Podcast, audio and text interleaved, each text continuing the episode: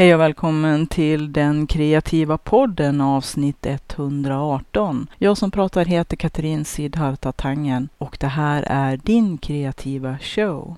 Idag tänkte jag prata om det här med känslomässigt arbete och risken att kanske vara känslomässigt avstängd att ha självamputerat sig eller vara en förljugen version av sig själv, ofta för att skydda sig, men också för att det finns en massa normer och eh, olika typer av stereotyper som vi lever upp till eller försöker leva upp till. Vi försöker passa in och att anpassa oss för att passa mallen, passa schabloner, ofta andras mallar. Och det här tror jag är en ganska så stor fara för de allra flesta och att det är risk att man inte lever i kontakt med sig själv och sina egna känslor. Och om man inte har kontakt med sig själv så är det ju också oerhört svårt att vara en skapande kreativ människa. För jag tror att det viktigaste om man ska kunna vara precis allt som man kan vara. Allt som man behöver vara för att vara sitt sanna, autentiska jag. Så måste man ha kontakt med sig själv. Och eh, inte vara rädd för även kanske svårare saker, sånt som känns djupare eller kanske mörkare eller sådana saker som vi ogärna, kanske till vardags vill kännas vid eller ha kontakt med. Att det är lätt att försöka undvika svåra saker eller sånt som vi kämpar med och istället tycker det är lättare att förtränga och kanske skydda oss själva. Men också som sagt mycket för att vi förväntas sättas upp en fasad, att vi ska ha roller som vi spelar. Och alla roller är inte dåliga och alla fasader kanske ibland vi måste ha roller och vi kanske måste ha en viss typ av fasad i vissa specifika tillfällen i livet. Ibland kan ju att vara alla sina egna facetter vara kanske too much information och att alla forum är inte rätta forum. Men med det sagt så känner jag också att vi väldigt mycket försöker gömma oss. Och att vi försöker gömma oss för att skydda oss naturligtvis och att eh, mycket av de olika sociala samspel och kanske stereotyper, könsroller och eh, normativa krav som ställs på väldigt många i väldigt många sammanhang gör det väldigt svårt för oss att vara våra hela själv. Att våga vara sig själv så mycket som man skulle kunna önska att man skulle kunna vara. För att ha bättre kontakt med den man är, sig själv alltså. Och att eh, många gånger så säger man ju jämt, var dig själv. Att det bästa sättet att eh, få kontakt med andra människor och att eh, få något utbyte av livet. Livet är ju ett, hoppas jag, kreativt äventyr. Vi skapar ju livet medan det pågår. Och varje nu, varje stund vi lever är det kapital vi har. Livet och tiden, det är det som vi har fått. Men det kan vara ganska lätt att glömma bort de viktiga sakerna i livet, det som verkligen betyder någonting och istället börja spela roller, vara förljugen och spela en stereotyp av sig själv som man faktiskt kanske i grund och botten inte är. Bara för att passa, för att anpassa sig, för att passa in. Att vi, speciellt tror jag svenskar, är väldigt, väldigt hårt pressade i mallar och i schabloner och en önskan att inte sticka ut. Vi har jante, fjante och vi har en massa olika både uttalade och outtalade regler och sociala normer som gör att vi, vi pressar oss att bli mycket mindre versioner av oss själva. I vissa delar så tror jag också att det handlar om förtrycket. Det är olika strömningar och ibland även fördolda krafter utav andras makt. Att det är andra som försöker få oss att hålla oss på mattan för att vi ska vara bekväma för dem. Men ibland kanske vi gör det lite lätt för andra och är så bekväma och så smidiga, håller så låg profil att vi nästan smälter in i tapeten. Som en av mina vänner för länge sedan sa att han kände sig som en jävla plattfisk. Att han trycktes efter väggarna och hela tiden försökte att inte synas. Och han mådde väldigt dåligt. Och jag tror att vi kan må hemskt dåligt utav att försöka vara förljugna, halvamputerade eller självamputerade personer utav någon skugga utav den som vi egentligen är. Att vi kanske gör oss själva mindre, förminskar oss, ber om ursäkt att vi alldeles för mycket ber om ursäkt istället för att ta plats. Och då menar jag inte att ta plats på ett sätt så att det är hänsynslöst eller att det är fel forum. För att som sagt, det finns ju också det här med too much information. Att när man är i fel roll för tillfället, att man kanske breder ut sig på ett sätt som är obehagligt eller besvärande på fel sätt för andra personer. Alltså att det är helt enkelt too much information och att det är fel forum. Ja, det är inte okej. Okay. Och det är inte okej okay att gå över andras samtycke. Och det är inte okej okay att vara hänsynslös och respektlös. Eller att kräva sin rätt på andras bekostnad. Men samtidigt så tycker jag inte att det behöver vara en konflikt mellan att vara en så stor andel av sig själv som möjligt, en så ärlig, öppen och autentisk del av sig själv och att göra det på ett sätt som är både respektfullt och eh, med hänsyn till andra. Och faktiskt så tror jag också att vara en mindre förljugen version av sig själv, det är nog kanske ännu bättre och mera respektfullt och samtidigt att våga visa vem man är, att ha den integriteten, den ryggraden, civilkurage nog, att stå upp för den man är, att vara sig själv, men utan att för den delen bli någon slags um, fundamentalistisk foliehatt som kanske ska pressa på andra sina egna uppfattningar om saker och ting. För det är inte alls det jag pratar om, utan snarare att våga visa känslor, att vara sig själv, att vara nära sig själv och kunna kommunicera det med andra. För livet, det är väldigt kort och livet är väldigt skört. Och det har jag fått erfara både nu och tidigare i mitt liv att det vi tar för givet och det vi tror att vi ska kunna göra sen, någon annan gång, till helgen eller till semestern eller om tio år när vi går, har gått ner tio kilo, eller när vi tjänar så här mycket pengar, eller när vi har gjort ditt eller när vi har gjort datt, att vi skjuter upp allting. Att vi skjuter upp livet, att vi skjuter upp att bli och vara den vi är, den vi borde vara för att vara oss själva. Men man säger ju hela tiden, var dig själv, det är alltid det bästa. Men hur många är sig själva egentligen? Hur många vågar vara sig själva? Jag tror att det är alldeles för få personer som vågar bryta mot det som andra har kletat på dem. Andras projiceringar och uppfattningar om vem de ska vara. Att vi är så oerhört mån om att försöka passa in och anpassa oss, att försöka vara den och motsvara att vara den som alla andra kräver att vi ska vara, som vi i alla fall upplever. För det som är det svåra är att vi många gånger har press både från in och utsidan om vem vi ska vara och vad vi ska göra och för vem vi ska göra det. Och det kan också många gånger vara saker som vi faktiskt bara bara tror. Som inte behöver alls ha någon koppling eller relation till vad andra uppfattar eller tycker. Att vi ibland pressar oss själva från insidan mycket hårdare. Men det kan också vara pålagda krav och förväntningar. Att vi många gånger tilldelas roller som kan vara väldigt svåra att ta sig ur.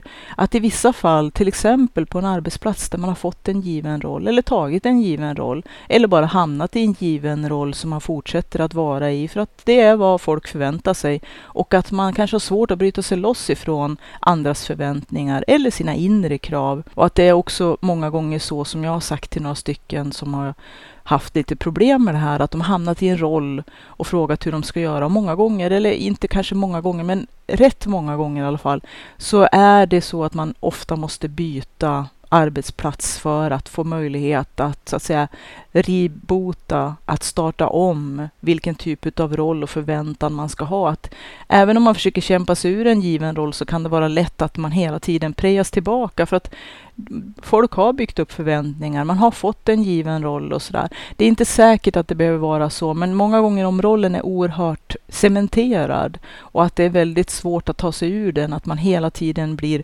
tillbaka stoppad i det här facket som man faktiskt egentligen inte ska vara i eller som man inte trivs i. Eller som begränsar en alldeles för mycket eller att man helt enkelt sysslar med helt fel saker bara utav gammal hävd och att alla förväntar sig det.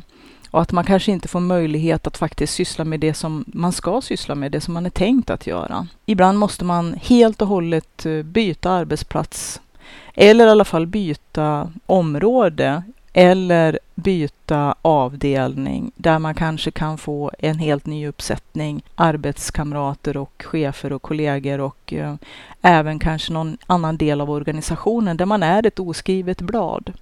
Att det kan vara väldigt svårt att ta sig ur det som man har blivit inskriven och att eh, ju längre man har varit i en roll, ju svårare är det att bryta den. Alla har förväntningar och man kanske också kommer att märka ett ganska kraftigt motstånd när man försöker bryta det här, när man känner att det här är inte mitt rätta jag, eller jag är inte i min rätta roll, eller jag har blivit inforcerad eller placerad i ett fack där jag faktiskt inte passar eller inte ska vara. Det här var inte egentligen det som var avtalat kanske på en arbetsplats. Men när det gäller det personliga planet så kan det vara det också att man kan ha väldigt mycket krav från familj, släkt, vänner, anhöriga. Att man har fått en roll och det kan vara svårt att bryta sig loss. Men det kan också vara att man själv också har eller tillåter att eh, andra pressar in en eller ser till att man är i den rollen och fortsätter att eh, upprätthålla ett visst mönster i relationer, i olika typer av dynamik och att man eh, Kanske också för att man är för snäll. Att man har svårt att sätta gränser, att man har svårt att markera att man faktiskt inte passar i den här rollen. Eller att andra har krav på en som inte alls egentligen stämmer överens med kanske varken vad man har för egentlig överenskommelse eller vad man egentligen borde ha för roll eller vad man egentligen själv vill och mår bra utav. Och att det kanske ibland känns lättare att bara fortsätta och låta det fortgå än att försöka förändra någonting.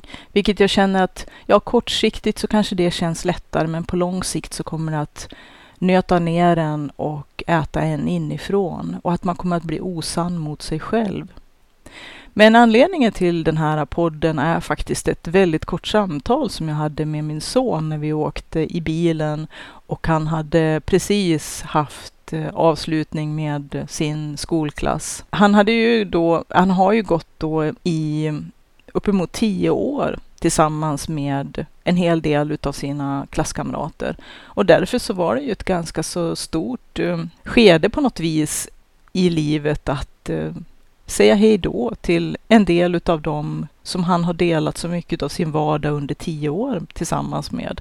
Att band binds och eh, relationer byggs och med tid och upplevelser. Så naturligtvis är det ganska smärtsamt när man går in i nya skeden av sitt liv.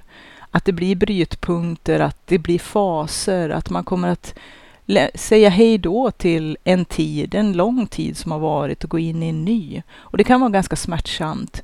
Och det kan också vara en möjlighet att byta roll, att byta vilket fack man själv vill vara i och vara placerad i. Så att det är inte bara smärtsamt och sorgligt, vilket det kan vara när man måste, kanske inte för alltid, många av sina vänner kommer han att fortsätta umgås med och har faktiskt också fortsatt umgås med efter skolavslutningen.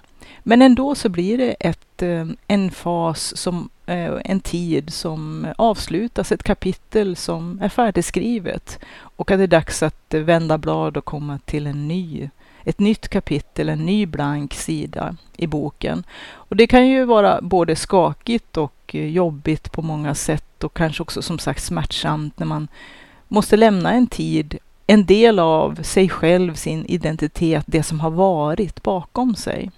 Men samtidigt så är det också möjlighet till nystart, att man har möjlighet att skaffa sig en helt annan uppsättning roller och eh, styra mera vem man vill vara och vem man vill bli. Att eh, man har lämnat ett gammalt skal bakom sig och att det är dags att växa i ett nytt. Och jag tycker att det är en ganska så fin metafor om man tänker att man förpuppas och eh, ett gammalt skal måste spricka och det är smärtsamt att ta sig ur. Men att man då kommer att blomma ut och hamna i sin nya form. En slags metamorfos. Eh, nyblivande, en nystart. Och det kan ju också vara, tänker jag, en viktig del i livet att man behöver ha olika sådana här övergångsperioder. En fas som avslutas och en ny som inleds. Att det är smärtsamt där i gränslandet för att man kanske måste säga hej då till en gammal version av sig själv. Men man kan också bli en ny version, en också förhoppningsvis bättre och mer sann. Eller en en version av sig själv som är på väg åt rätt håll, den kurs som man har stakat ut för sig själv på lång eller kort sikt. Och att man känner att eh, man får ett nytt skal, ett, eh, ett nytt, kanske inte ett nytt jag, för att man är väl i grund och botten förhoppningsvis den man själv är. Men att man får chansen att ta av det här kanske lite som har förstelnats och blivit grått och gammalt och kanske inte längre riktigt passar. Det var en tidigare version av en själv, men den är inte längre mitt jag, den jag är just nu eller den jag är på väg att bli, den kurs jag är på väg åt nu. Och det kan ju vara en nyblivande fas att eh, få återupptäcka kanske och reinvent som det heter på engelska. Att lite grann återuppfinna den man själv är, sig själv.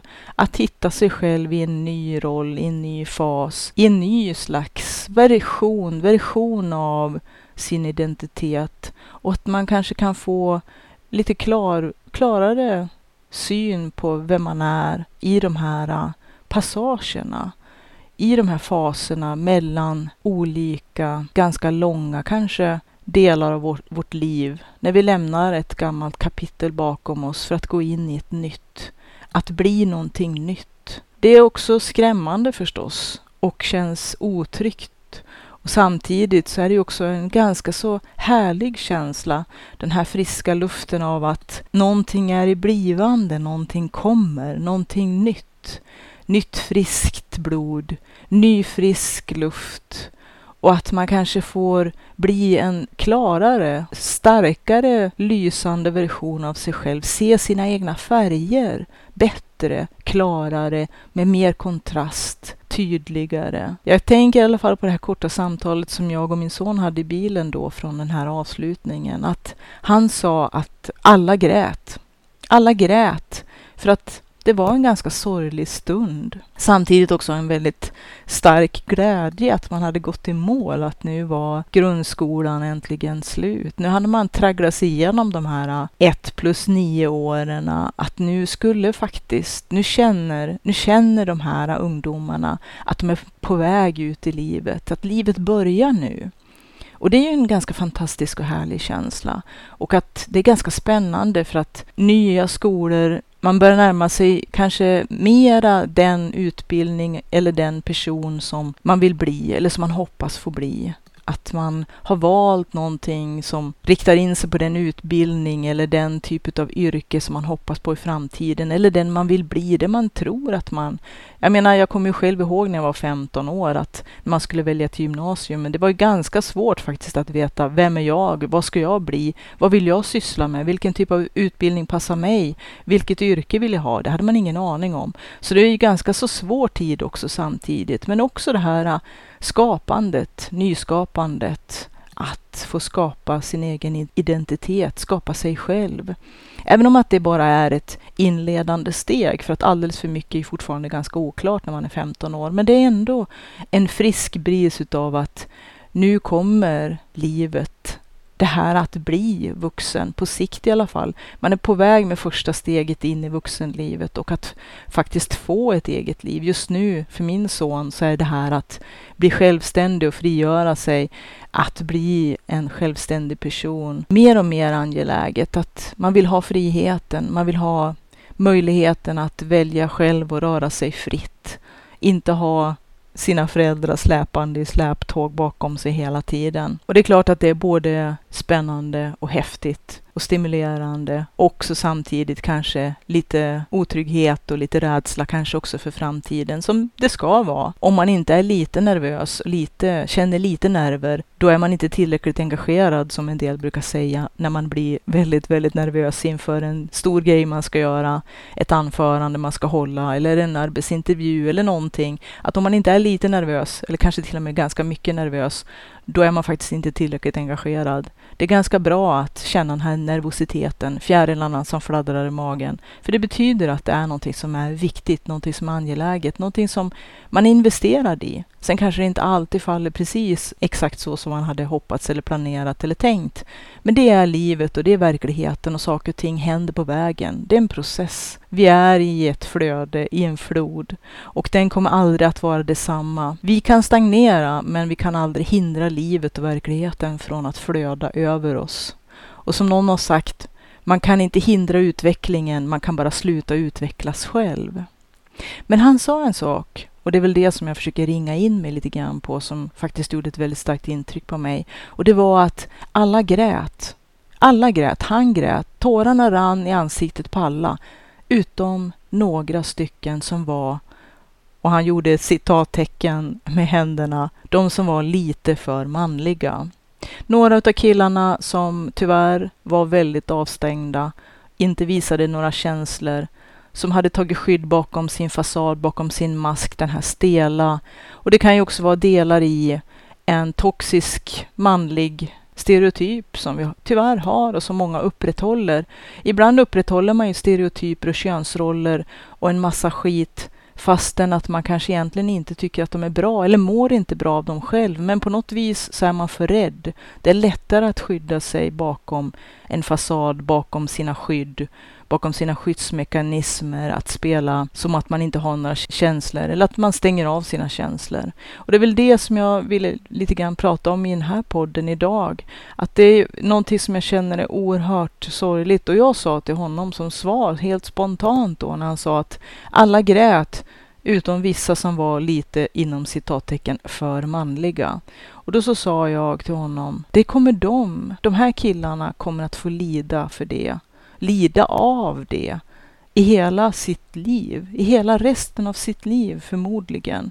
Och inte nog med det, alla runt omkring dem också. För att leva och vara runt omkring känslomässigt avstängda människor eller människor som har helt enkelt abdikerat eller flytt ifrån det här med känslomässigt eget arbete. Eller de som kanske tycker att andra ska göra deras känslomässiga arbete. Det här är ju inte helt ovanligt att många kvinnor tyvärr får göra det känslomässiga arbetet för många män. Och det är ju inte riktigt okej okay alltså. Men det är ju också en, en biprodukt, eller hur man ska säga, en effekt utav våra könsroller. Och könsrollerna slår ju åt alla håll. Det är inte bara de som kanske i vissa lägen har fördel utav att könsrollerna gynnar dem. För jag menar, det är ju fortfarande, om man bara tittar på lönestatistiken och en massa andra saker, mycket bättre att vara man och mycket sämre att vara kvinna. Att många kvinnor också får göra en hel del oavlönat arbete som det är väldigt bekvämt att de gör. Att det är de som sörjer för gamla, familj, barn.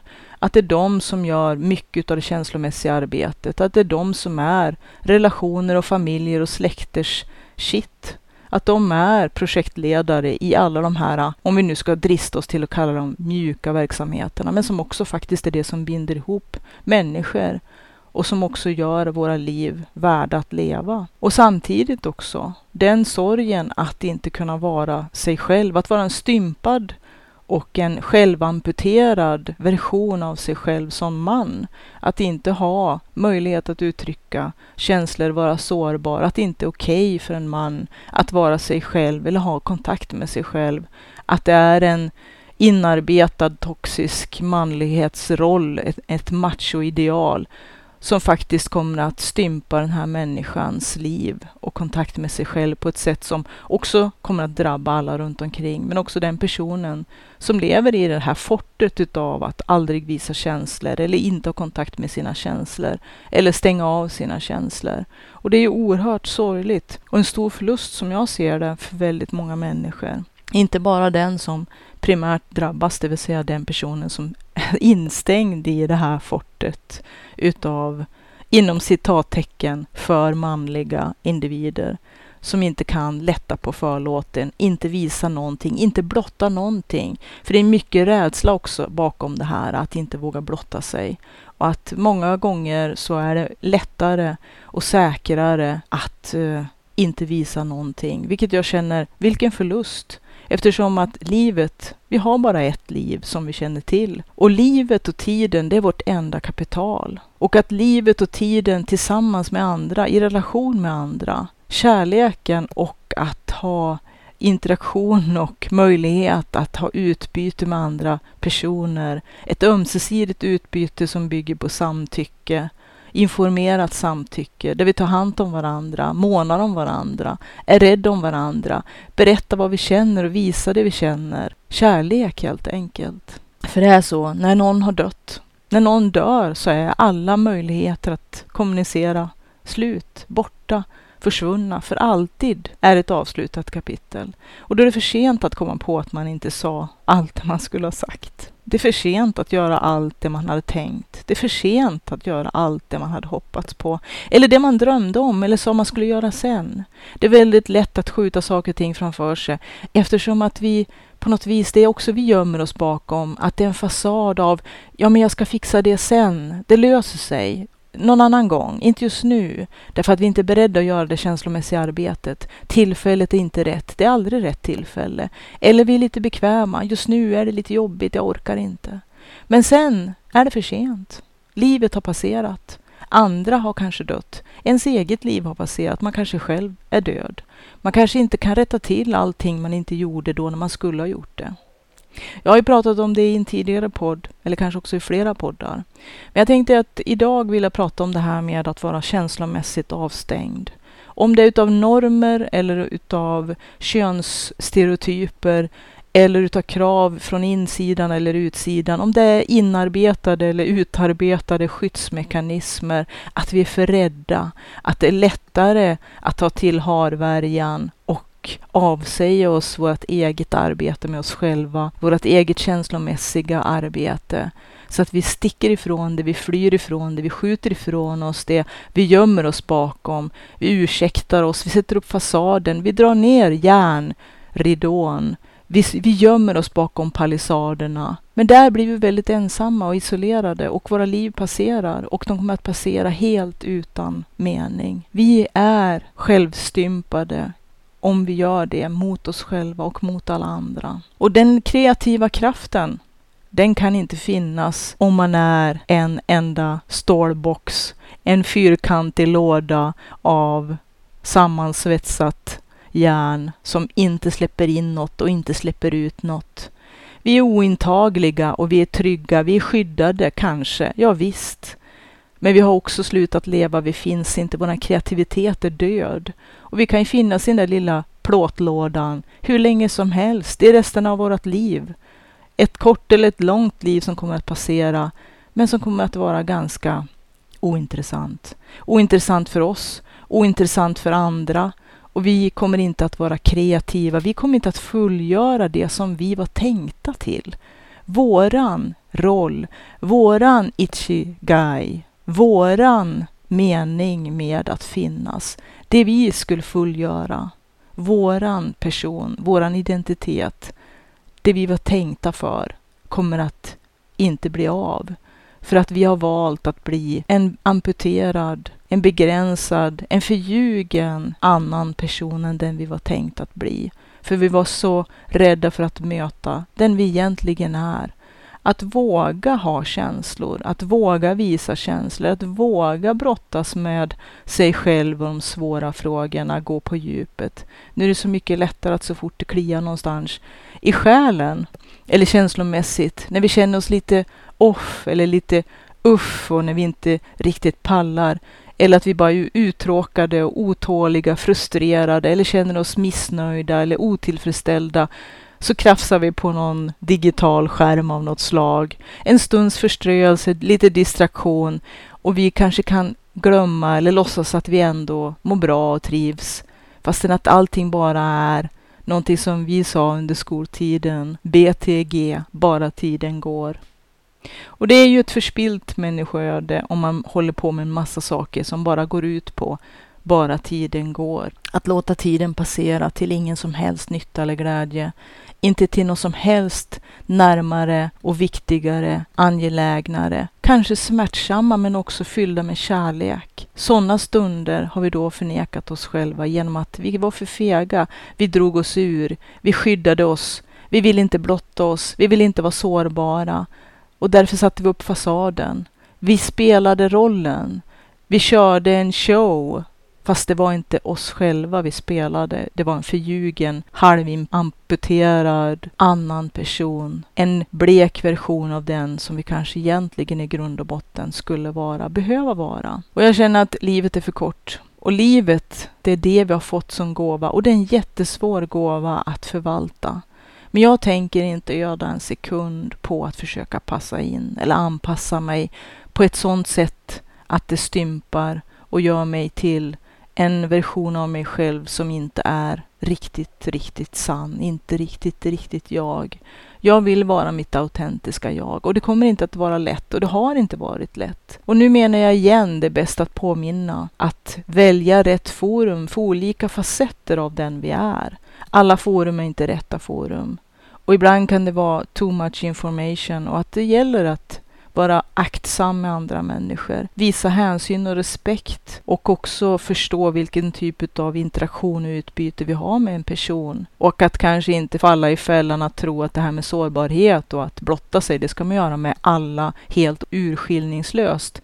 Nej, det är faktiskt både korkat och hänsynslöst. Oftast sker det över andras gränser och inte samtyckt. För att det som är navet, det viktigaste av alltihopa, förutom samtycke, ett informerat samtycke, det är ömsesidigt utbyte. En interaktion ska vara ett flöde fram och tillbaka som är lika givande och lika hänsynsfullt åt båda hållen. Det kanske är lätt att glömma. I vissa fall så kan jag känna att en del personer blir vad jag kallar för känslomässigt inkontinenta och det blir lite åt andra hållet. Att dels har man de som är helt stängda som har valt att gömma sig bakom en fasad eller bakom en roll eller en stereotyp eller som helt enkelt inte ens vet vem de är så att de kan faktiskt inte vara sitt autentiska jag för de har ingen kontakt med den personen som de egentligen skulle vara om de hade vågat gå lite på djupet. Men sen har man motsatsen som kanske kan verka som att de har en massa känslor och blottar sig och en massa sårbarhet. Men egentligen så är det, som jag kallar det för känslomässig inkontinens, att man bara skickar ut en väldig massa saker som kanske inte heller är särskilt mycket mer autentiska eller ärliga eller sanna, utan mer en display utav en massa saker som eh, kanske inte heller är något man har ärligt processat och arbetat med sig själv med. Så att båda sidorna utav samma mynt kan det ju faktiskt bli. Att antingen så stänger man hela sin plåtlåda fullkomligt vattentät eller så kanske man sprutar ut en massa saker och kanske inte ens är ens egna grejer. Man kanske bara känner en massa saker som man låter kanaliseras igenom sig. Nu blir det lite så här vo-vo, lite gröna vågen här igen känner jag.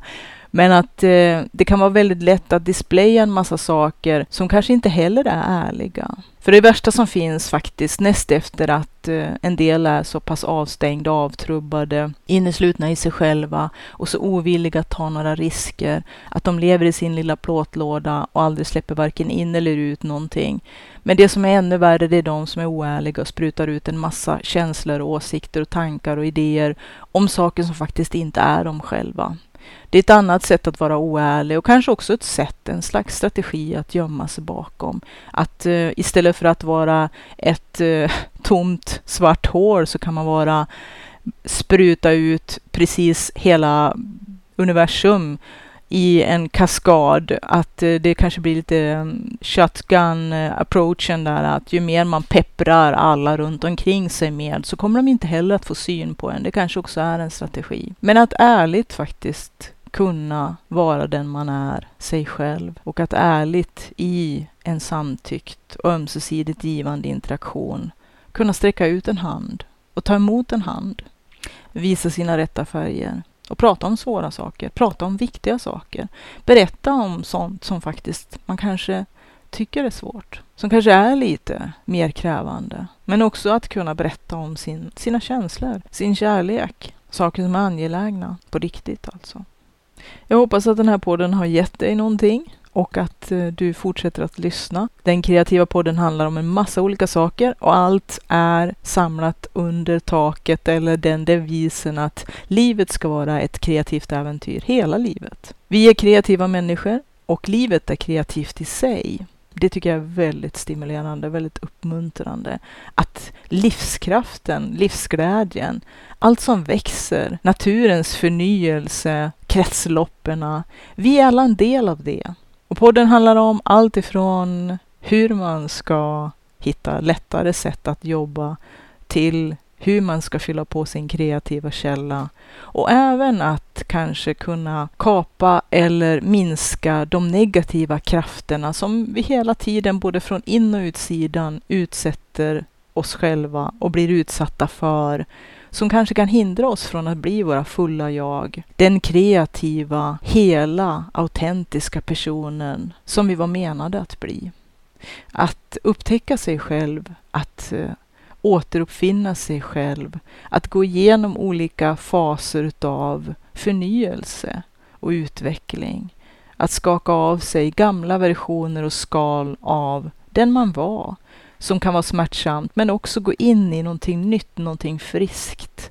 Någonting som man känner kan vara spännande att upptäcka, att återupptäcka, återupptäcka sig själv, livet, andra människor, det som är viktigt och väsentligt runt omkring oss. Och kanske kunna förmedla det i ett kreativt arbete, i någon typ av kreativt utlopp att inte bara hämta in utan också kunna lämna ut. Det kanske är kärnan i just det här poddavsnittet. Ha det gott? Gå gärna in på www.sidharta.se och titta lite om lite olika kreativa verksamheter, några av dem. Jag är författare och hjärnsmed och heter Katrin Sidharta Tangen. Vi hörs igen. Lycka till!